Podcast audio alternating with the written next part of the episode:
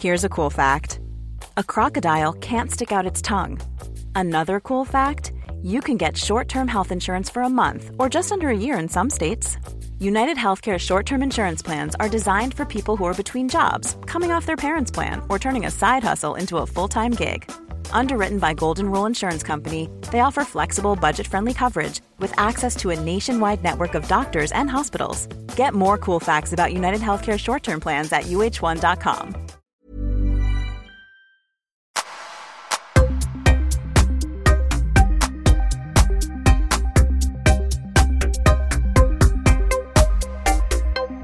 Ludvig Taninger, välkommen till Öppet sinne. Tack så mycket Paul Vaje. Det här ska bli intressant. För du och jag, vi, eller rättare sagt du började följa mig på Instagram för att du gillar MMA Stämmer. och liksom där har vi haft lite kontakt, sen började jag följa dig och helt plötsligt så fick jag massa schyssta ostar, jag fick massa schysst skinka Som så här Och salami. avskedspresent. Exakt, exakt Men jag tycker egentligen att vi börjar där, alltså så här, jag tror att de som känner igen dig Känner igen dig från dokusåpan X on the beach Stämmer. Eh, Men du driver också Bengtssons ost och Yes. du blev ju även känd i Ex on the beach för att vara liksom ostkungen Exakt, exakt. Eh, Och jag såg ju den första säsongen och jag blev lite full i skratt när det kom upp med den här, din passion för ostar och allting Men nu när jag verkligen har fått testa ostar och fått smaka på så här det du är otroligt kunnig på Så måste jag säga att jag är fan med imponerad alltså Det här är Mm. Kul att höra. Ja men det är så grymt och den här eh, liksom avskedsgrejen som jag fick av dig Alltså jag vet inte hur många dagar jag gick åt ost och skinka och jag gick bara runt och, och njöt så Det är, egentligen, börja- det är egentligen det bästa du kan äta, det är fett och protein. egentligen det är det bästa du kan äta. ja. Men hur, hur började den passionen för dig? Alltså i grund och botten så mina föräldrar de, de köpte en, eh, en ostaffär i centrala Helsingborg eh, 1987. Och det var ju några år sedan innan, alltså innan jag föddes. Mm. Och, eh, och eh, när jag föddes eh, så hade liksom min mamma precis i princip köpt butiken och hade fullt upp. Så jag låg ju liksom i en, i en resesäng på lagret bland ostarna. När min mamma liksom mellan kunderna gick tillbaka på lagret och matade mig liksom. Och egentligen så började det väl redan där. Sen under hela min uppväxt så har jag alltid alltså, hjälpt till i butiken, alltså under jul, nyår och alltså högtider, påsk och så vidare. Eh, stått på marknader, jag har till och med spelat fiol på marknader, alltså bredvid ostdisken och, och så, här, så det har liksom varit följt med hela tiden liksom och, och, eh, och varit ganska naturligt. Men du vet under min, alltså under tonåren så, så vill jag ju inte alls hålla på med ost. Nej. Uh, om jag ska vara helt ärlig, jag, alltså jag, jag spydde på allt som hade med ost att göra och, liksom, och jag hade fått för mycket av det.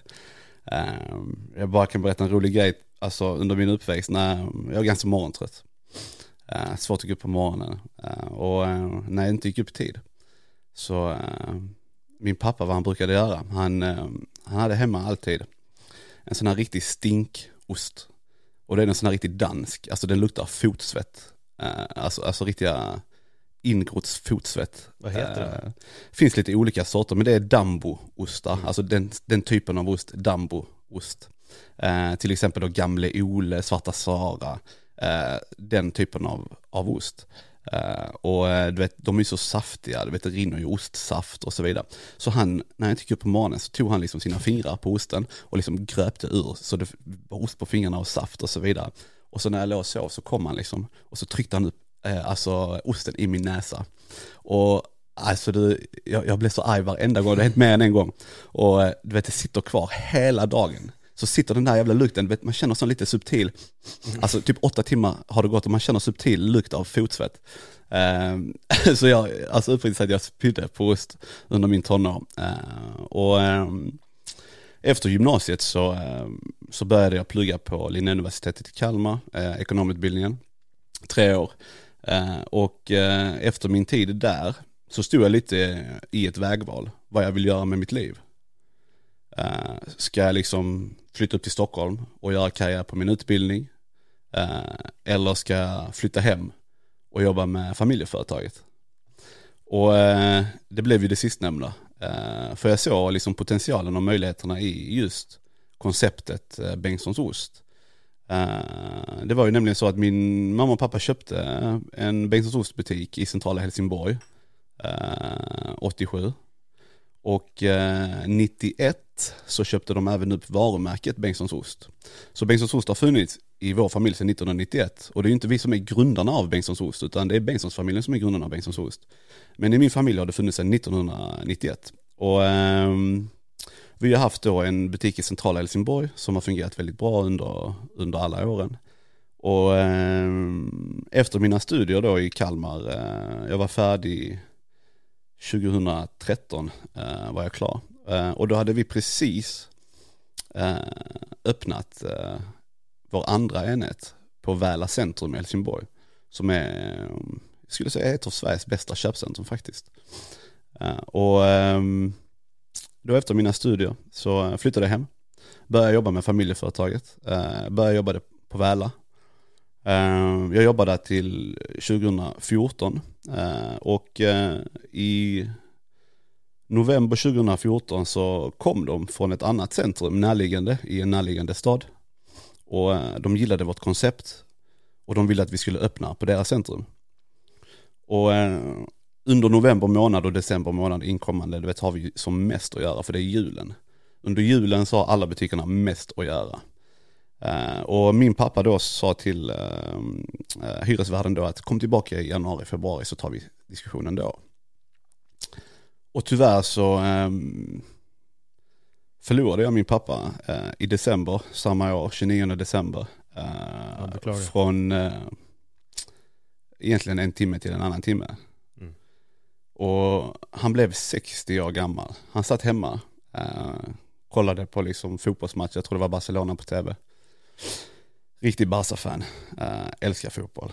Eh, och eh, mitt under liksom tiden han kollade så hör min mamma konstiga ljud. Hon sitter i kontoret, rummet bredvid.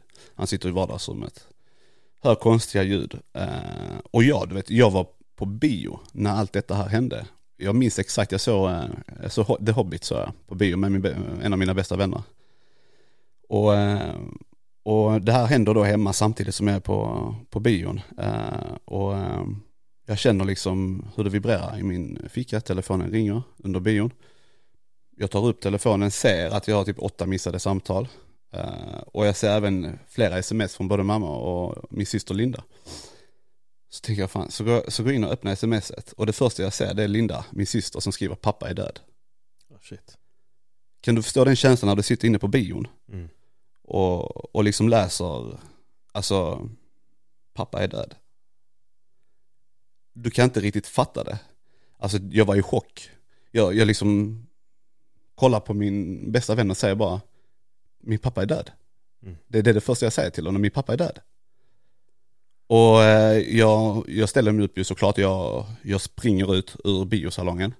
Eh, jag måste bara hem, hem, hem, hem. Som tur är så är jag cirka en fem minuter bort med bil. Och eh, när jag springer ut ur biosalongen, jag är fortfarande helt chock. Iskall är jag också. jag springer ut, där finns en enda taxibil utanför Filmstaden. Och det är precis som att den taxibilen var där för mig. Eh, jag hoppar in i den, säger bara kör, kör, kör, kör, kör, kör. Min pappa är död. Jag säger till taxi, min pappa är död upprepande gånger. Kör den gatan, den gatan, den gatan, den gatan, den gatan. När vi börjar närma oss gatan, jag ser ambulansen nere. Eh, på gatan, eh, bredvid eh, fastigheten. Jag springer ut ur taxin, jag betalar inte den. Jag bara springer rakt till ambulansen, springer upp. Eh, väl uppe i lägenheten är hela min familj. Eh, Pappa är inne i vardagsrummet med ambulanspersonal och försöker återupplivas. Uh, och allt är bara kaos, allt är hysteriskt. Uh, mamma är helt hysterisk. Uh, mina syskon är helt hysteriska. jag är helt iskall, jag, jag, kan inte, jag kan inte känna någonting. Jag, jag kände att det är inte slut, det är inte slut, det är inte slut. De kommer få liv igen, de kommer få liv igen, de kommer få liv igen. Jag kände det hela tiden. men de fick inte liv i i honom. Uh, och uh, vi åkte in uh, till sjukhuset akut efter ambulansen. Och vi väntade i väntrummet säkert en tio minuter, en kvart. Säger läkaren liksom komma gåendes mot vårt rum och kommer gå in i vårt rum. Och, liksom jag ser direkt på honom att det här är inte bra alltså. och han kommer in och respekt till den läkaren att han direkt kommer in och släpper bomben. Eh, han liksom förhalar inte det på något sätt. Han väntar inte med det på något sätt utan han, han bara kommer in liksom och, och släpper bomberna och sa att tyvärr kan vi inte, kunde vi inte rädda livet på er pappa. Och, eh, och då liksom, då, då, då, ja det blir, det blir kaos allting. Eh, och man vet inte vad man ska göra, man är helt maktlös. Eh, och även, jag vet inte liksom egentligen vad, vad, vad som var jobbigast, det var nästan jobbigare att se min mor än en tanken på att min pappa är död, vilket är sjukt egentligen, men, men just att se min mamma så jäkla ledsen. Och så eh, otroligt förstörd, alltså de har ju liksom levt ihop eh, alltså, över 30-40 år och, och gjort allting tillsammans, de har liksom varit så här. Så att det här, eh, det här var liksom verkligen någon, alltså, alltså en ren kalldusch. Och, eh, och något jag aldrig kommer att glömma liksom, det var när man väl ska ta avskedet. För det, här sker ganska snabbt. Allt detta sker inom loppet av två timmar kanske. Allt detta här. Och eh, då ställde de ju frågan, vill ni gå in och ta avsked så får ni lov att göra det. Vill ni inte så behöver ni inte göra det. Och jag kände liksom bara att jag måste på något sätt få, få se honom en sista gång, du vet, lite grann. Och det var lite, eh, jag, jag vet när jag, när jag gick in där, och, och tänkte liksom att du ser din, din pappa liksom ligga på en sjukhussäng. Allt var väldigt vackert. Väldigt fridfullt. Men du vet, se han ligga livlös. Och du vet, jag, jag har aldrig sett en annan människa död in i hela mitt liv. Och du vet, jag har haft turen nog att aldrig varit med om någon närstående som har dött. Och jag menar det, man hör liksom att ja, bekanta, familj, du vet, en bortgång där, pappan gick bort i den familjen eller, eller, eller, eller likväl eh, barnet gick bort. Eller någon olycka och så vidare. Men man tänker, man tänker att man är odödlig själv. Man tänker att det händer aldrig en själv. Eh, men det där var, det där var det värsta jag varit med om i hela mitt liv. Och just gå in där, vet, och jag hade så svårt att lämna rummet. Alltså jag ville inte lämna rummet, vet jag bara tårarna bara liksom rann, rann över hans bröst liksom. Jag bara var på hans bröst och kände hur fortfarande han var lite varm, du vet.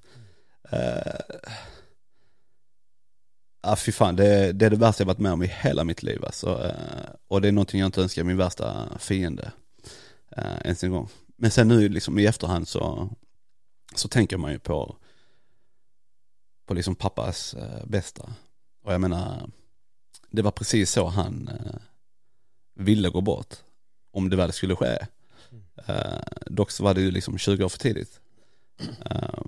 Som sagt han blev 60 år, år gammal och, och liksom det, det kom från en blixt från, från en klar himmel. Och det som är ännu mer sjukt, vilket både hela min familj och, och jag inte har liksom förstått riktigt, eh, det är att om man, liksom, om man hade detta på känn på något sätt. För eh, när vi då kommer hem, jag åker ju såklart hem med min mor eh, och spenderar eh, säkert de två första veckorna efter detta hände hemma hos min mamma. Jag hade egen lägenhet, Eh, men jag valde ändå att bo hos, hos min mamma och när vi kommer hem, samma kväll, eh, det här hände klockan tio på kvällen så vi kommer hem kanske innan eh, midnatt och ska lägga oss i, i mamma och pappas säng då ju. Och så under kudden, under mammas kudde, så är där ett litet paket. Och du vet, bara jag såg paketet, jag fick rysningar. Och det är ett litet, litet fint paket som han och då, pappa då har packat in och klippt ut från ett rött presentpapper, små hjärtan och klistrat på. Eh, och det är så otroligt olikt pappa att göra något sånt, för han var inte alls kreativ på det sättet. Eh, det är så jäkla olikt och när vi öppnar det här paketet så, så står det jättefint meddelande till min kära mamma. Eh, liksom hur mycket han älskar henne och hela den där biten. Eh, och, och liksom att han vill leva med henne för resten av livet och allt det där. Det var liksom inga tecken på alltså, att han liksom tog till sitt liv eller något sånt, absolut inte. Och det visar även obduktionen sen också ju såklart. Men, eh, men just att det var så olikt honom att, att, att göra detta och i, i det här paketet så var det ett litet armband med en eh, dödskalle fullt med diamanter på.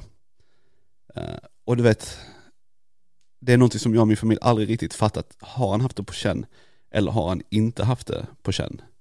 Eh, för läkaren, eh, enligt obduktionen, så var han ju kraftigt förkalkad i blodkärlen. Och när vi pratade med vår husläkare, som min pappa också hade, efter detta hände, eh, så berättade husläkaren att, att hon ordinerat liksom blodtrycksmedicin, för han hade högt blodtryck. Och det är ju med tanke på att han var så kraftigt förkalkad i kärlen. Och ehm, han kommer ju från den gamla skolan, eh, han kommer ju från Ungern. Eh, född på 50-talet i Ungern. Eh, och han visste bäst själv.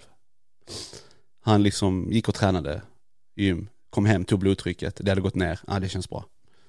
Det är klart att blodtrycket går ner efter man har tränat.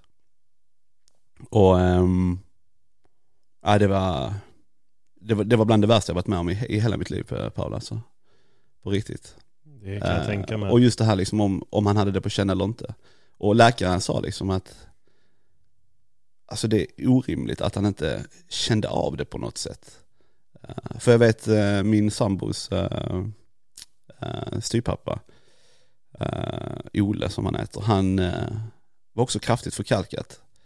Men han kände av det, det vill säga i skidbacken när han var ute och åkte skidor, har min tjej berättat. Och han kände av att han blev trött, att vet, någonting inte stämde. Eh, och han liksom lyckas kolla upp det. Eh, och så ser de att han är kraftigt förkalkad. Så de gör en sån operation där de tar ett blodkärl från låret och sätter in. Uh, byter ut det helt enkelt. Uh, och det är ju det som min pappa också hade behövt göra. Men, uh, men vi kommer aldrig få veta. Men som sagt, det, det är på det sättet han ville gå bort i alla fall. För han har alltid sagt till mig, och även till min, även till min mor att liksom blir jag så illa så att jag liksom inte kan ta hand om mig själv, så jag inte kan gå på toaletten själv, då vill jag att du avslutar mitt liv. Uh, för det är inte värde, alltså det är ingen värdighet att leva det livet. Uh, så nu i efterhand liksom, och hela bearbetningsprocessen efteråt. Uh, jag skulle säga att jag är klar med hela sorgarbetet i princip. men just att man bearbetar det på att, liksom att man tänker ändå, försöker tänka positivt. Att han led inte. Det hände liksom väldigt snabbt. det hade varit mycket värre för honom om liksom det hade varit eh, exempelvis eh, cancer som liksom är långdragen sjukdom när man ser att han liksom förtvinar och blir mer och mer en grönsak liksom. Eh, det hade varit mycket värre för honom. Men kanske egoistiskt sett så hade det varit bättre för en själv. Mm. Hur känner du där? Hade du, eh, hade du hellre liksom, alltså tänker man på sig själv i den situationen eller? Det... Eller, eller, eller, eller, eller ska man tänka liksom på personen i fråga? Så det där är så svårt. Jag vet inte om du vet, alltså, du har ju följt mig ett tag på Instagram, men jag har ju delat om att min lillebror, jag förlorade min lillebrorsa va? Exakt. Eh, så jag, jag, förstår verkligen det här som du säger med chocken och när man får smsen eller om man får ett samtal, att det är, det är jättejobbigt och det är verkligen en, en riktigt obehaglig grej att gå igenom. Eh, jag tror, vad ska man säga? Jag hoppas väl också att den dagen jag går bort att det sker på ett väldigt snabbt sätt och att det är inget lidande Eh, jag är min pappa nu i Spanien som har haft massa problem med cancer.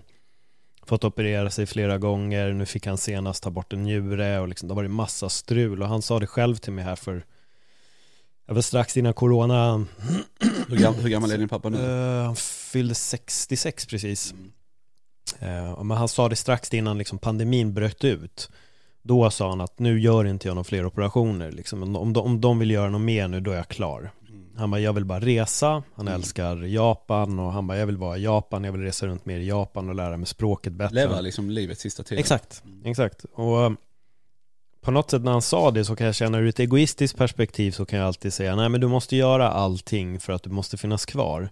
Men samtidigt så kände jag någonstans att är det det här han vill, då är det okej. Okay.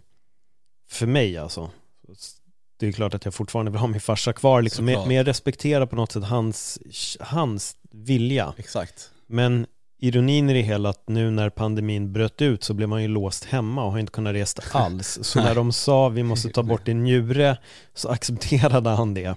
istället och har gjort den här operationen. Och som det ser ut just nu så ser det bra ut. Mm. Eh, han gjorde någon så här, jag vet inte om det heter biopsi eller vad det är, men de hade ko kollat honom igen och just nu fanns det inget spår. Men sen är det ju det, det tar fem år innan du är friskförklarad. Mm. Eh, men nu har han väl i alla fall varit fri i ett år och det lustiga också i allt det här är att desto mer han har pratat om sin egen död, desto gladare till livet har han varit. Så jag tror att det kan bli så också med folk ibland att om du försonar dig själv med att jag har det här, jag kan gå bort och det är okej, Mm. då tror jag att du lever ett bättre liv. Mm. Men jag tror att om du inte försonar dig med det och går runt och bara lider och bara tänker jag kan dö, jag kan dö, jag kan dö, jag kan dö, Mm. då tror jag att det blir värre. Men framförallt psykiskt, det är psykiska Ja, ja. på, alltså påfrestningar Verkligen. eh, ordentligt om du tänker så. Ja, men sen förstår jag liksom som, som för dig och din familj, han försvinner och ni är kvar. Det är Mm. jobbigt för er. Och Exakt. Det är precis som för mig med min lillebrorsa då, han försvann och vi är kvar och det är jobbigt. Och det kommer ju alltid vara ett så här ständigt sår igen Exakt. med det här och, jag, tror att hur mycket man än bearbetar de här bitarna så det går aldrig över. Hur länge sedan var det, Det du förlorade din brorsa? 2016. 2016 ja. Ja. Hur länge sedan? Nu minns jag, vet ju Hobbiten men jag minns inte när den kom. 2014. Usch, det är jättenära ju. Ja, det är det är bara två nära. år ifrån. Mm, Ja. det är två år ifrån. Jag vet inte, hur känner du med just sorgarbetet efteråt? Alltså, för för mig då var det liksom att det var precis som att jag alltså, fick en, eh, en påse med sorg. Mm. Och liksom i början så var det liksom flera gånger om dagen som tju, tju, den tömdes lite. Eh, Och det bara kom liksom över mig flera gånger om dagen den första tiden. Men sen liksom blev det glesare.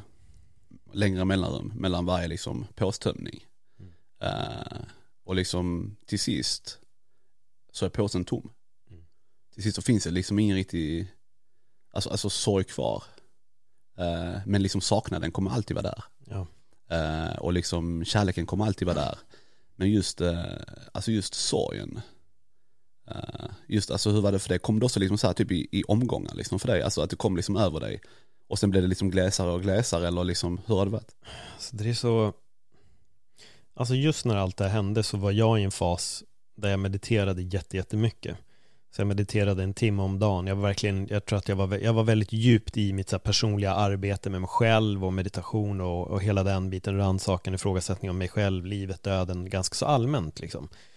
Um, för mig var det nog en stor hjälp att jag var där, för jag vet att många gånger när det blev väldigt jobbigt så la jag också fokus på att sätta mig och meditera. Och då kunde jag känna att jag, jag fann en avslappning, men jag tror utan det så tror jag att det hade varit mycket värre. Det är bara en känsla jag har. Mm. Eh, sen har jag aldrig haft problem att gråta och jag uppmuntrar i den här podden många gånger att släppa ut det, så känner man sorg, gråt bara, håll inte in. Och jag tror att det är på något sätt den viktiga biten i sorgprocessen, att inte stänga in de här känslorna utan släppa ut dem. Sen till exempel när jag spelade in poddavsnittet om min lillebror, det var ju bland det jobbigaste jag gjort, för då sätter jag mig och jag vet inte hur du känner, men för mig är så här, problemet är egentligen inte kanske hur personen i fråga har gått bort eller ej.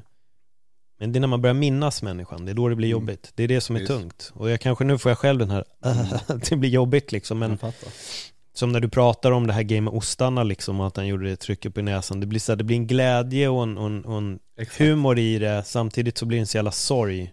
Du vet, i det med. Jag önskar att han gjorde det alltså, im- imorgon liksom. Ja, Förstår du? ja, Men då hatade jag det. ja, Så det är verkligen det som du säger att eh, man, man ser liksom alla, liksom, det är klart ingen är perfekt liksom. Han hade sina negativa sidor också. Eh, men det blev ju mycket det här att hans negativa sidor vänder man till någonting positivt. Ja. Eh, framförallt då efter de har gått bort. Nej men verkligen. Och jag tror att det, det, jag tror att det är det där man behöver ha kvar, det är egentligen minnena. Mm. Man får liksom samla på de här fina minnena och Har du drömt om din bror någon gång? Alltså om man alltså det så här kommit till dig i någon dröm? Mm, inte direkt så. Eller att du har träffat han i någon dröm, eller att du på liksom- det sättet. Jag har absolut drömt honom. Men jag tror inte det har varit så att han har dykt upp eller så. Men vi, jag har definitivt drömt om honom, det har jag. Men jag har drömt om min pappa en gång.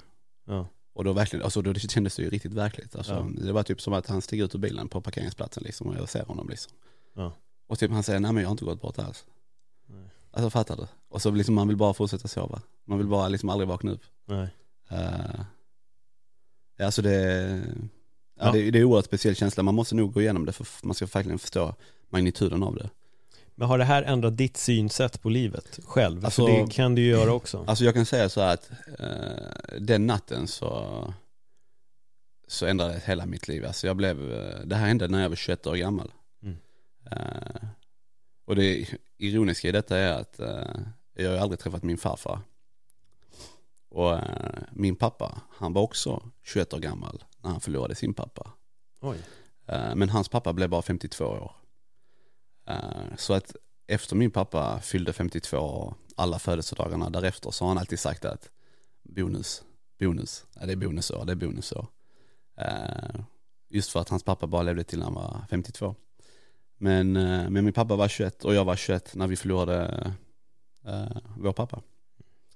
Och ehm, ja, jag tycker det, jag tror man måste förstå det, alltså fullt ut, eh, då måste man eh, ha någon liknande upplevelse. Mm.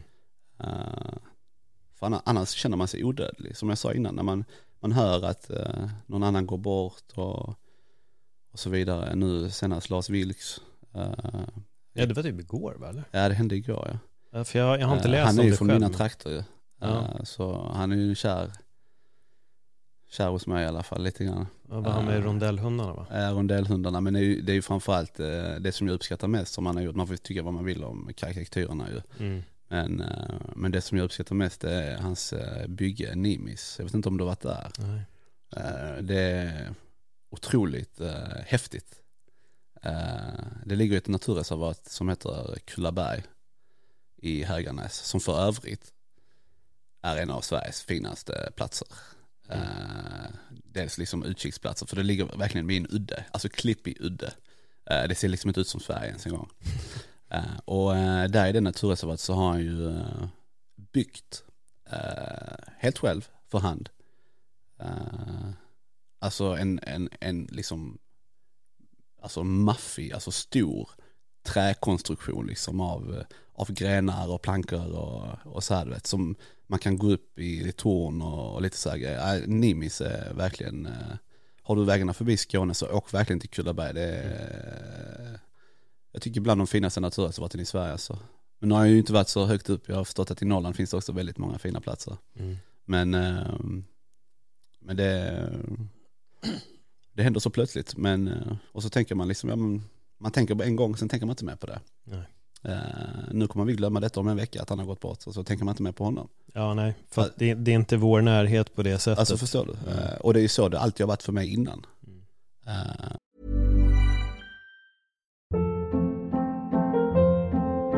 Hold up. What was that? Boring. No flavor. That was as bad as those leftovers you ate all week. Kiki Palmer here, and it's time to say hello to something fresh and guilt-free. Hello Fresh. Jazz up dinner with pecan-crusted chicken or garlic butter shrimp scampi. Now that's music to my mouth. Hello Fresh. Let's get this dinner party started. Discover all the delicious possibilities at hellofresh.com.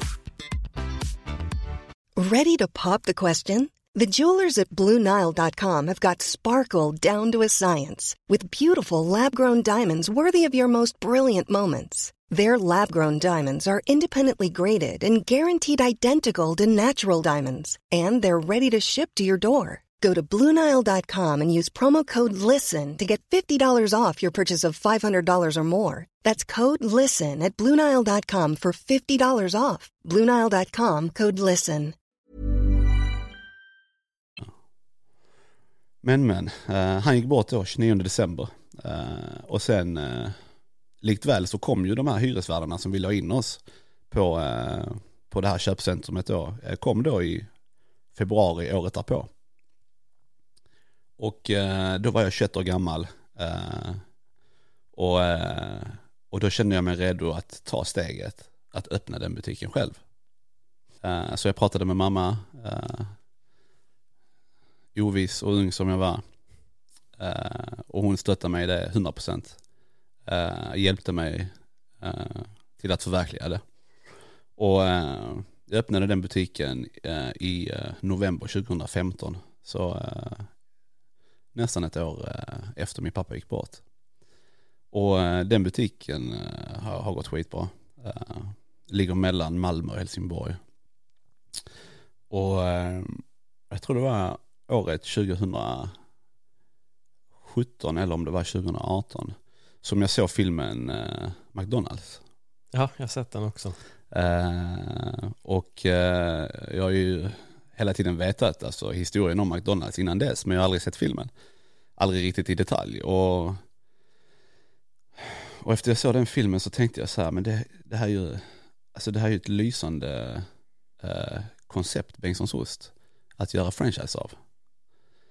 Och, och på den vägen är det och, och det var typ där och då som jag bestämde mig att jag ska göra en franchisekedja av eh, Bengtssons ost. För kollar man på liksom de ost och delikatessbutikerna som finns idag i Sverige, eh, de som är liksom duktiga och bra, eh, oftast är det kanske de som kanske drivs av andra generationen, de har funnits där ett tag, de har stabil omsättning, de är nöjda med det.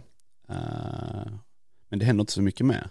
Jag menar, kollar du i övriga Europa så du, räcker du gå till Tyskland, Spanien, Frankrike, alltså, alltså där finns det ju liksom riksäckande, alltså ost och delikatesskedjor som är specialiserade på detta, som är svinduktiga. och då liksom konkurrerar man liksom, det är liksom inte Maxi eller Coop eller då Carrefour, du vet, alltså, Exakt. alltså det är på en helt annan nivå. Uh, och jag liksom frågar mig själv, varför finns inte det i Sverige? Jag menar ostar och delikatesser, det är någonting som går svinbra i Sverige. Uh, alltså vi svenskar, det ligger i vår kul alltså kultur att ha en bit ost på bordet. Uh, vare sig om det är frukost eller om det är kvällsmat eller om det är efter maten. Uh, eh, så har du liksom alltid antingen din, din frukostost uh, eller liksom som lite nu, uh, ost och, uh, och charktallrik liksom. Uh, och det ligger så rätt i tiden också. Så där och då bestämde jag mig, ja men jag vill göra en franchisekedja. Och, eh, och sen öppnade jag min första franchiseenhet 2019. Och den är i Malmö. På Triangeln eh, köpcentrum. Eh, och den öppnade vi 2019. Och sen 2020 så sålde jag min butik som jag hade då centralt eh, till en av mina anställda som då blev eh, franchisetagare nummer två. Och eh, i samband med att jag sålde den butiken som jag öppnade då en gång i tiden ehm, så kollade jag ju på andra möjligheter att expandera. Eh, så jag hade ju ehm, fått kontakt med eh, A6 Center i Jönköping och eh, de tog kontakt med mig redan 2018 faktiskt om eh, en möjlighet att öppna. Och eh, det var många diskussioner men då hade jag också fullt upp med etableringen i Malmö ju. Så sa jag, men vänta lite. Eh, för jag vill liksom bygga långsamt, stabilt och långsamt. Det är superviktigt, framförallt när det är en ny kedja också. Eh, för visst, man kan liksom smälla upp tio butiker eh, direkt. Men du vet det är oerhört känsligt, du vet vem som driver butiken, vilken liksom passion personen i fråga har och hela den där biten. Liksom, pengarna är inte allt. Uh, utan de måste liksom ha det naturliga och just att vara en säljare. Det är superviktigt. Um, så, så på den vägen är det. Um, och um, efter förhandlingar med A6 då, mm. så kom vi i hamn. Vi fick ett superbra läge på A6 Center. Uh, en och en halv meter ifrån Systembolaget. eh, det är ett öläge mitt i gång, gångstråket i centrumet. Eh, och det här öläget ligger precis utanför Systembolaget. Och mellan, alltså gången mellan liksom vår ostdisk och Systembolagets ingång, eh, det är liksom en och en halv meter, två meter. Så det första du ser när du går ut ur Systembolaget, det är, det är liksom 10-12 meter ost och delikatesser liksom. Så det är liksom handen i handsken, det är liksom klippt och skuret för oss. Eh, så den enheten tackade jag ja till. Eh, och jag hade intervjuer med olika franchisetagare. Eh, men jag hittade ingen riktigt som kändes, eh, som kändes 100% bra. Och då stod vi ju i vägkvalet där. Vad, vad ska vi göra? Ska vi, ska vi släppa lokalen och låta möjligheten liksom passera förbi? Eller ska vi flytta upp själva, jag och min sambo då Mika, och starta igång den själv? Och eh, det blev det sistnämnda att vi, eh, vi ville inte släppa lokalen för den är så jäkla bra.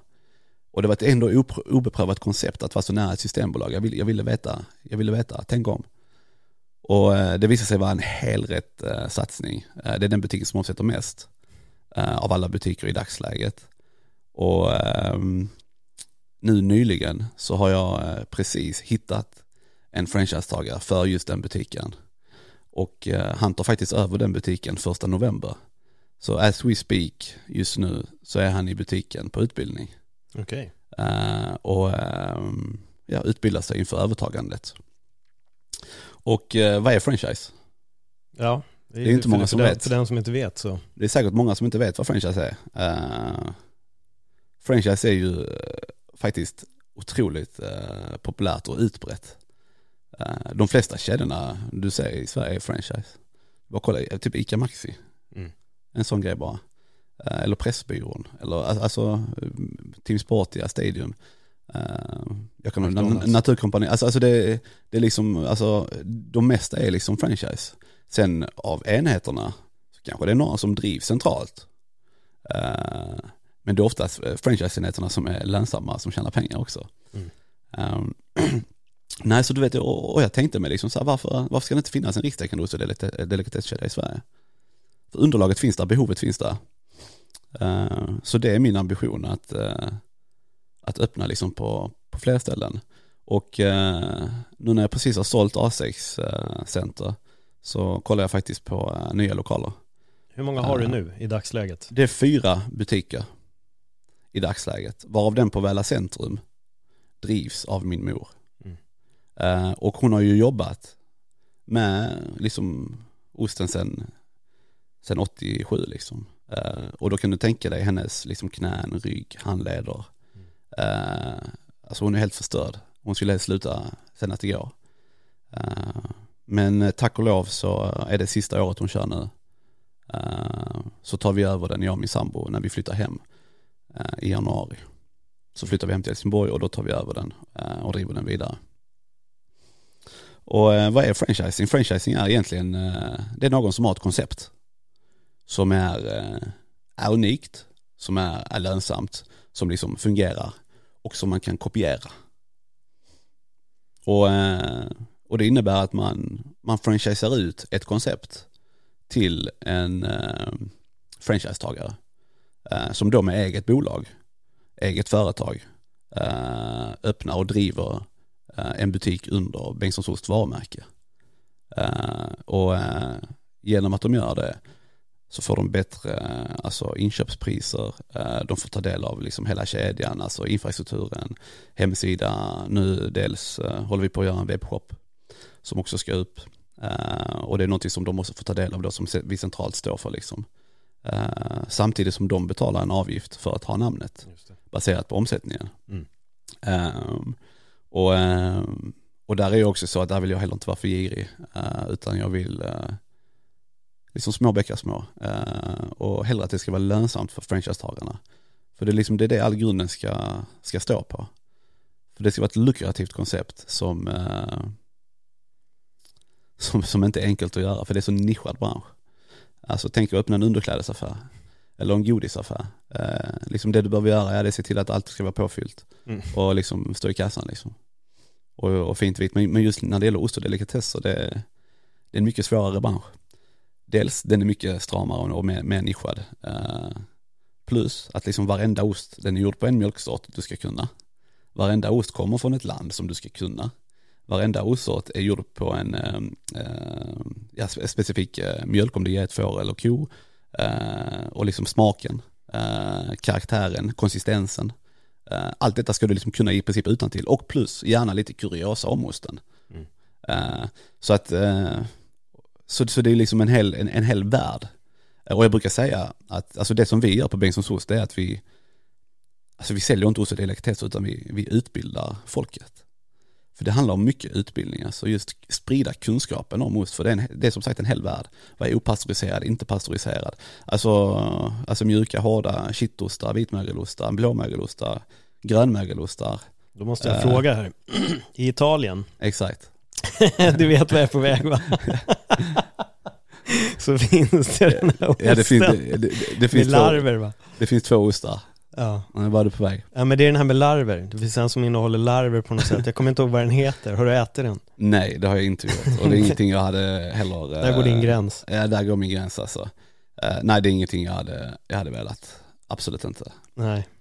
Eh, men Italien är bra på ostar. Alltså, jag menar såklart Parmigiano Reggiano som är liksom deras stolthet. De har ju till och med ett, alltså de har ju sin guldreserv i form av parmesanhjul. Mm. Eh, tror jag eller något sånt. Jag tror det var när, um, om, jag vet inte om det, var någon, om det var någon brand eller om det var någonting som hände i Italien för, för några år sedan där eh, stora delar av deras typ reservlager av parmesan gick bort eller något sånt och eh, man märkte det på Italiens BNP.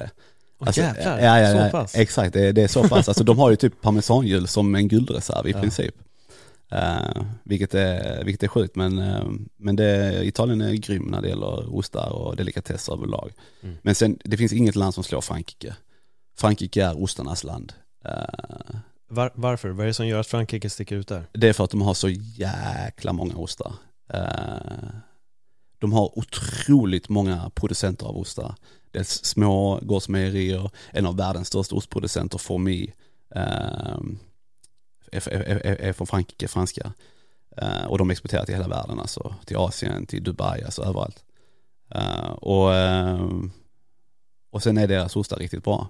Och de har gjort ostar i så lång tid alltså. Just ost, alltså, alltså det sträcker sig tillbaka innan alltså Kristus. De första liksom, första liksom bevisen på att ost fanns. Mm. Och då var det ju enligt myten så eh, var det en, en handelsman på en kamel då eh, genom eh, Saharaöknen. Så hade han sin lilla då påse med mjölk i, uh, getmjölk. Och, och den här liksom så här vingades då, alltså så här på, på kamelen. Och då liksom ystningen av osten blev ju då att, att löpen separerades. Och, och då när han smakade, det var nästan då som färskost i princip i den konsistensen, så tyckte han det var skitgott. Eh, Och det är lite typ där det, och det var liksom innan, innan, innan Kristus, så att eh, det ligger långt, långt tillbaka i tiden just ost och, ost och delikatesser. Um, vilket är intressant. Vad säger mamma om dina framgångar med Bengtssons ost? Hon eh, stöttar mig jättemycket. Sen min pappa gick bort så, så har jag, alltså jag har ju alltid haft en jättefin relation till min mamma Mm. och alltid varit nära till alltså min mamma. Men, eh, men det är på något sätt som man har växt ännu tajtare. Mm. Eh, även med, med mina syskon faktiskt. Eh, men hon, eh, hon är min största förebild. Verkligen alltså. Och, och hon stöttar mig i allt det jag gör. Och hon säger alltid liksom pappa hade varit så stolt och, och hit och dit. Men det, du vet, jag känner ju ändå att han är med mig. Precis som din bror är med dig i det du gör. Ja, det var Han det finns jag, alltid här inne. Jag, jag tänkte fråga dig precis också, vad tror du han tänker om allt du gör? Mm, det, det är ju det att jag, jag önskade att han kunde se mig alltså, men det gör han ändå. Och han är med mig i det, för det är det han har gjort att det går bra. Och att det ändå är, är lyckosamt. Eh, så att, eh, så det är där jag lägger i princip all min tid när det är, på eh, företaget och, och min tjej då Mika. Vad är framtidsvisionerna med, med Bengtssons ost? Jag antar ändå att eftersom att du gör det du gör så har du någon form av långsiktig plan också. Alltså, själva visionen och själva målet egentligen, det är, det är en rikstäckande ost och delikatesskedja. Eh, alltså från söder till norr. Eh, sen får man se hur många butiker det får plats i Sverige. Men, eh, men det är väl det som är min egentligen långsiktiga, långsiktiga mål och plan och det är långt, långt dit. Vet, de första 50 butikerna det är de som tar tid. Medan de sista 20 de smäller man upp snabbt. Mm. Eh, men, eh, men det är just det, det är svårt att hitta personer som kan driva en, uh, en ostaffär. För du behöver liksom inte, alltså det räcker inte att du kan osten och charken utan du måste även kunna det administrativa också. Liksom vad innebär det att driva företag? Eh, det är många liksom som liksom, ja men driva företag och det är enkelt hit och dit, många som gör det, bla bla bla. Men det är, det är mycket mer än vad, än, vad man tror. Alltså alltid från personal, nu är det, vissa har ju inte personal och så här, men eh, om du har personal i ditt eh, bolag, ska personalhantering, och jag menar visst personalen är en investering, men det är också, det är också en kostnad. Men det är också psykiskt påfrestande.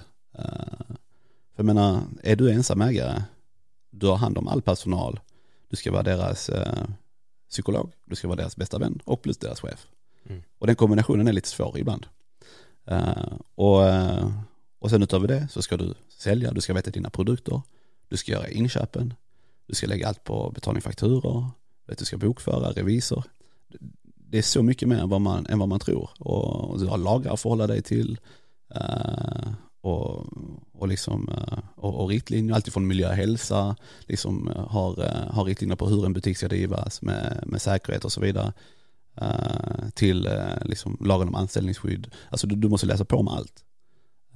Så att det, det är verkligen, du ska liksom vara en ostbutiksexpert.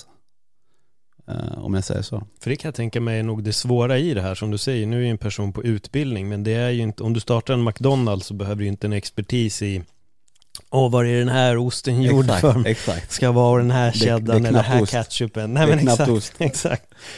Ja, ja, det leder mig in till en annan fråga direkt. Vilka liksom ostar känner du så här, det här är inte ens ost? När folk börjar rekommendera ostar och det blir så här, nej ja. men alltså det där är inte ost. Ja men du vet, ja men ibland får man så här Ja men som, som du gjorde någon gång, du skickade någon bild till mig på någon sån ICA-disk med förpackade ostar och jag bara tänker, fan alltså, det, vad gör du?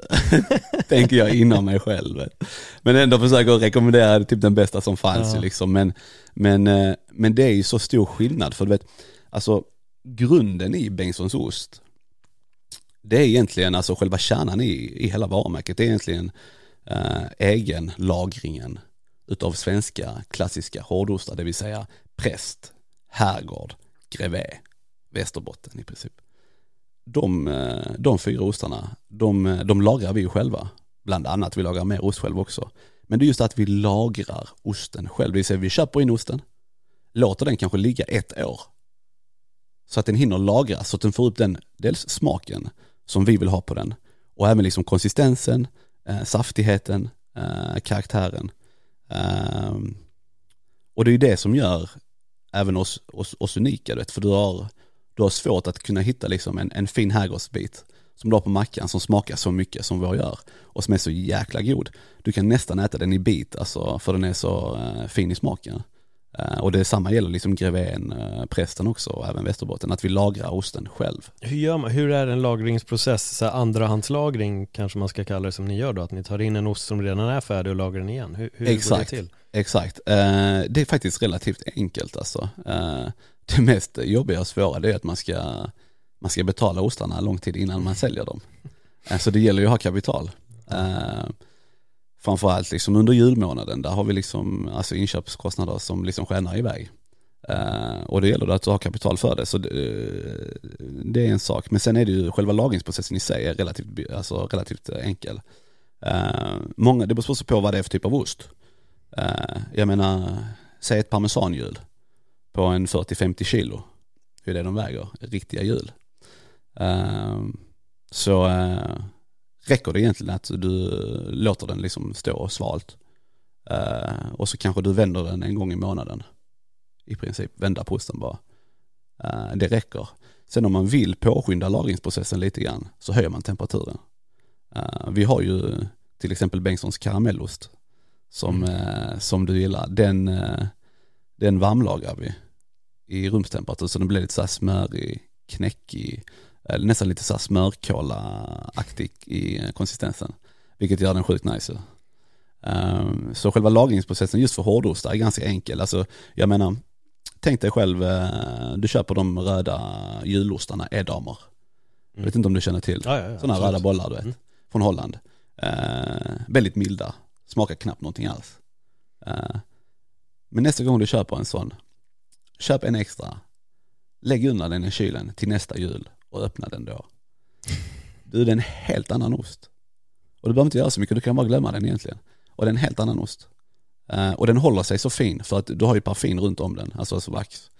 Uh, så länge liksom inte vaxet liksom är något hål i vaxet eller, eller sprickor eller så här, så håller sig liksom den helt intakt. Det som händer med osten det är ju att vätskan dunstar lite bort så själva osten blir ju inte riktigt lika krämig, den blir snäppet torrare men den är fortfarande en väldigt krämig ost den där edamen ändå oavsett hur du vrider och vänder på det så är det ju en relativt mild ost. Uh, men liksom efter ett år den har legat så blir den lite torrare i konsistensen men framförallt smaken, att den får en helt annan karaktär. Det blir, alltså, och jämför du de två ostarna då, alltså det är som natt och dag, uh, verkligen. Är ost och, som uh, vin, att man kan lagra det väldigt länge eller hur? Under rätt förutsättningar? Absolut, absolut. Det skulle jag säga. Du kan ju inte lagra det Alltså du, du kan inte laga en ost liksom i, i, i 60 år eller 70 år. Eh, det är nog lite too much. Eh, men, men eh, Jag köpte den här damen 1930. Fan vad gott det ska bli. eller hur? Eller Fick hur? den i födelsedagspresent när jag föddes. Nu är äntligen 70 år sedan. Exakt, nu öppnar vi den. Eh, nej men alltså, jag menar flera år kan man absolut göra. Ja. Eh, men sen också beror det på storleken på osten. Är de mindre ostar eh, så går det snabbare. Är de större ostar så går det långsammare. Eh, men jag menar du kan ju, alltså, alltså det finns ju parmesaner som, är, som, som du kan laga i 6-7 år. Eh, det är att den blir liksom, då blir den snustorr och det blir så mycket smak i den. Eh, så den ligger i princip bara liksom faller i sönder. Eh, Men det kanske är det bästa då just för pasta. Att den får verkligen laga länge Alltså, så att den faller sönder. Ja, alltså jag, jag tycker ska du göra, alltså, alltså nu använder jag parmesan, alltså vi, jag och min sambo, jag tror vi snittar alltså utan krydda, alltså, så snittar vi säkert en 700-800 gram parmesan, kanske i veckan. Jag tror du säger i månaden. Nej, nej, nej, nej, nej. kanske i per, per vecka alltså. Vi gör parmesan till allt i princip. Ja. Uh, framförallt nu också, jag, när vi flyttade upp till Jönköping och öppnade butiken så vägde jag eh, 87 kilo. Eh, och eh, efter typ åtta månader så var jag uppe i 105 kilo. Eh, men det är också för att, du vet, uppe i Jönköping, eh, man isolerar sig helt och hållet. Vi känner inte en enda. Det är bara jag och min sambo där. Så vi umgås bara med varandra. Eh, och du vet, vi har inte tränat. Det har varit mycket snabbmat. Eh, Det har varit mycket hamburgare. Jag älskar hamburgare. Det är min favoritmat typ. Och, eh, och sitta stillande. Eh, Jag har jobbat mycket bakom butiken eh, administrativt. Eh, Medan min sambo eh, nu på senare tid eh, jobbar bara i butiken och är butikschef. Och eh, jag var uppe i 105 kilo. Så nu har vi faktiskt börjat eh, på keto-diet. Mm. Eh, testat i alla fall. Eh, vi har hållit på i två månader blev det nu. Och jag är nere på 92 kilo. Från, från 105 på, på två månader. Och då det enda vi äter det är i princip bara sånt här. Mm. Alltså ost, charkuterier och liksom fet mat. Eh, för egentligen, eh, alltså kroppen, för att överleva så behöver du, du behöver fett för att överleva. Du behöver protein för att överleva. Men du behöver inte kolhydrater för att överleva. Eh, och i den ekvationen någonstans, alltså jag kan ju jag, kan ju inte leva utan kolhydrater för det är så jäkla Nej. gott. Alltså pasta, bröd, eh, pizza, alltså you name it. Hamburgare med Eh, bröd. hamburgare, exakt. Alltså man vill ju inte ha en jävla salladswrap. Nej. Alltså eh, man vill ju ha brödet. Eh, men, eh, men just det här också att kolhydrater och fett, varför ska kroppen egentligen ta energin från, eh, från kolhydraterna? När fett innehåller mer energi per 100 gram. Du har 100 gram kolhydrater, 100 gram fett, så innehåller fett mer energi Mm. per 100 gram. Och då är det egentligen ologiskt varför kroppen ska ta energi från kolhydraterna. Det är precis som att proteinet innehåller inte lika mycket energi som kolhydrater och fett. Och kroppen tar inte energi från proteinet. Jag har också gjort det där, en, jag gjorde det för några år sedan. Så körde jag väldigt mycket som kött, eh, och det var extremt lite kolhydrater. Mm. Eh, Det gav effekt, verkligen. Jag gick ner i vikt. Mm. Däremot när jag boostade in med kolhydrater igen, Mm. då började jag bygga muskler rejält. Då var Mm. pang sa det bara. Mm. Så jag tror det blir så här kombon och lite vad man vill skulle jag nog Mm. säga. Men att gå ner så vet jag, för mig, för Mm. mig funkade det. Ja, Alltså det här var egentligen bara, alltså egentligen bara för att gå ner. Min målvikt Ja. är någonstans mellan 85 och 90 kilo. Mm. Så jag är, jag är snart där. Men sen är det, sen är det kolhydrater som jag kommer att bygga på igen ju. Eh, för jag, alltså utan det, men, men det ska vara rätt mängd. Eh, jag tror ändå jag ska försöka äta väldigt mycket fett. Mm. Eh, och sen är det ju såklart vad du äter för fett. Det finns ju bra fetter och, och, och dåliga fetter. Ja men verkligen. Um, men, men, men just, just ost och delikatesser är, har vi gått loss på eh, nu alltså. Ja men det förstår jag också när ni jobbar med det. Men sen blev det också så, du vet många, många frågar så liksom, många kunder så, äter du mycket ost på jobbet? Du vet så här. Alltså när man jobbar med det så blir det inte så. Nej. Alltså, alltså det är klart, första veckan på det nya jobbet i en godisaffär, det är klart som man går loss. Men efter du har jobbat i en godisaffär i, i liksom tio år, eh, alltså det, alltså det räcker liksom. Man smakar de nya ostarna som kommer in, man har sina favoriter lite grann då och då. Eh, Man tar med sig lite så här gott, vet, när man sitter här och snackar, det är perfekt. Eh, men, eh, men just på jobbet, då käkar man inte så mycket ost. Alltså. Nej. Nej men det När kan man jag väl är där liksom, eh, on point. Ja, jag vet att du och jag kommer ju gå loss på den här när, eh, när inspelningen är klar, vilket Exakt. den i princip är, ser jag rent, rent tidsmässigt. Men jag tänker så här. Oj, vi har inte gått igenom någonting knappt. Nej, jag vet, det, det brukar vara så. Det brukar vara så. Men jag tycker ändå att vi har rört vid så här rätt ämnen. Jag vet att de som lyssnar är nog nyfikna på ett annat ämne också, men Mm. jag känner att den här gången så blev det det här. Det här blev rätt grej, för börjar vi gå in på en annan sak nu, då kommer vi landa i en helt annan podd. Exakt, Men det kanske är ett annat samtal som vi ska ta lite längre fram. Mycket Helt möjligt. enkelt så. Men jag tycker det är superspännande med, med hela grejen. Jag har lärt mig grymt mycket om ostar och det är intressant att höra hela din den här alltså business-sidan för jag tror att många har en, en annan bild av dig av den de har sett i tv men jag tror att här nu så får de en helt ny bild av dig jag tror att det är mer fräscht och uppfriskande att få ja, Tack, det du har öppnat upp dig om, om, om din, din sorg, din pappa, din bortgång, du har delat mer om historien, om liksom hela ostbiten, Bengtssons ost och er familj och jag gillar det här. Jag tycker det är, det är snyggt och det är kul att höra att du, du sitter på ett eh, härligt driv alltså. Jag, jag blir inspirerad av dig att höra hur du tittar framåt och hur du vill göra någonting som just nu inte finns i Sverige men det finns i många andra länder. Och det är att göra franchise-grejen och jag måste säga själv, jag har ätit av de här produkterna och jag är kanske partisk men det är verkligen grymt gott alltså. För jag gillade när du skickade den här listan också. Exakt, ja. jag tänkte, du, du måste fatta vad det är liksom. Ja, men var var, jag var så fan det här är nice. Jag får liksom en, en lektion också i vad det är jag ska äta, vilket Mm. är fint. Det är, det är kul Ja, att få den här lite. fem minuter men Ja, ja, men jag menar, för, den, för det oskolade människan just Exakt. för mig, så blir det ju verkligen så här, oj, Exakt. nu vet jag verkligen vad jag trycker i mig istället för bara, här är fem olika ostar, den ena har mer salt, den andra har mindre. Mm. Nu blev det ändå en, en story bakom någon förklaring vad det var, så nej, jag, jag var väldigt positivt överraskad och det var Alltså jag har alltid sagt, vet, alltså, sen eh, pappa gick bort, så har Mm. jag alltid sagt att eh, jag ska ha första miljonen innan 30. mm. Eh, och jag, sen pappa gick bort så har det drivet, alltså det var, då, det var nästan då det drivet kom. Mm. Alltså jag vill alltid säga att jag ändå, jag ändå alltid haft det, vet jag kommer ändå från en företagarfamilj. Eh, och eh, både min pappa och mamma är ju från Ungern. Eh, de är väldigt fattigt uppväxta. Någonting som jag aldrig kommer att glömma är liksom, som min pappa berättar, när han kommer hem från liksom skolan, skorna börjar bli liksom små på honom. Tar hans pappa då, min farfar då, tar skon, klipper hål där framme så tårna sticker ut så att han ska kunna fortsätta använda dem. Mm. Alltså på den nivån är det. Och, och de har liksom alltid, eh, alltid varit eh, företagsamma och haft en arbetsvilja och moral utan, utan dess like.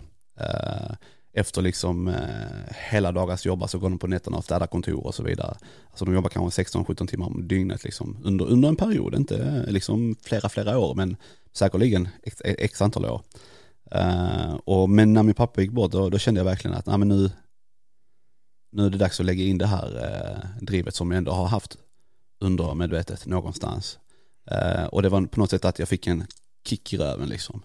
För att, eh, för att köra igång. Ja, jag tror att om eh, tio år när vi sett oss här, då, Exakt. då är det något annat alltså. Exakt, exakt. Då är det någonting, Då är kommer du till mig. Ja, exakt. Då kommer Exakt. jag med filmcrewt. För att sätta oss i palatset uppe i Boden där. Och Exakt. Så, nu har vi åkt igenom hela, Palatset i Boden. hela långa landet nu Exakt. är här. Nej, men det ska, som sagt, jag har sagt flera gånger, det ska bli väldigt spännande att följa. Det, det Mm. har varit jätteroligt att, att höra din story, höra det här och jag önskar verkligen all lycka. Tack på. Och så får vi se hur, eh, hur stort, eller liksom var, finns ändå hållplatsen för Bengtssons ost? Det är det vi Mm. får se. Ja det är spännande. Om man inte redan följer dig, hur, eller hur hittar man, liksom, det kanske mer är Bengtssons ost eftersom att du har tagit det lite lugnare med sociala medier. Du får välja själv vilket du vill promota här, kanske båda eller allt. Ja, nej men eh, alltså framförallt Bengtssons ost vill jag ju promota. Mm. Eh, jag tycker också det här med sociala medier att, alltså det, jag tycker det är den, alltså enskilt största boven Ja. till psykisk ohälsa som vi har här i Sverige. Mm.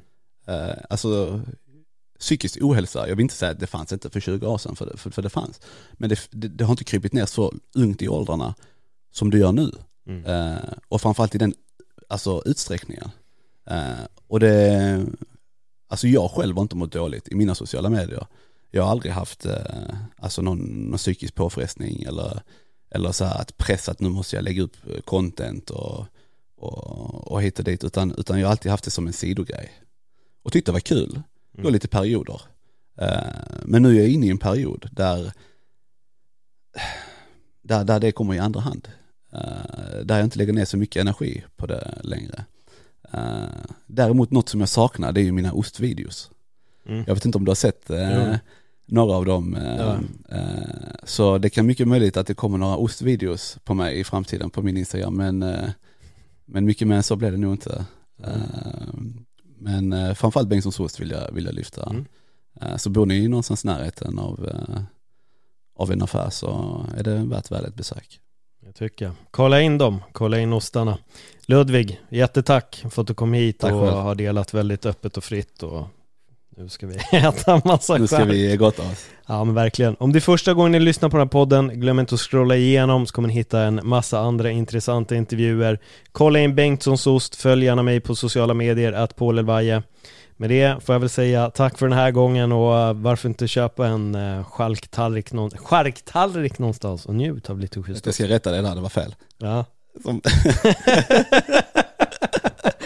intern humor, det kom fram. Vi vet, ni vet inte. Tack för den här gången. tack. Hej då.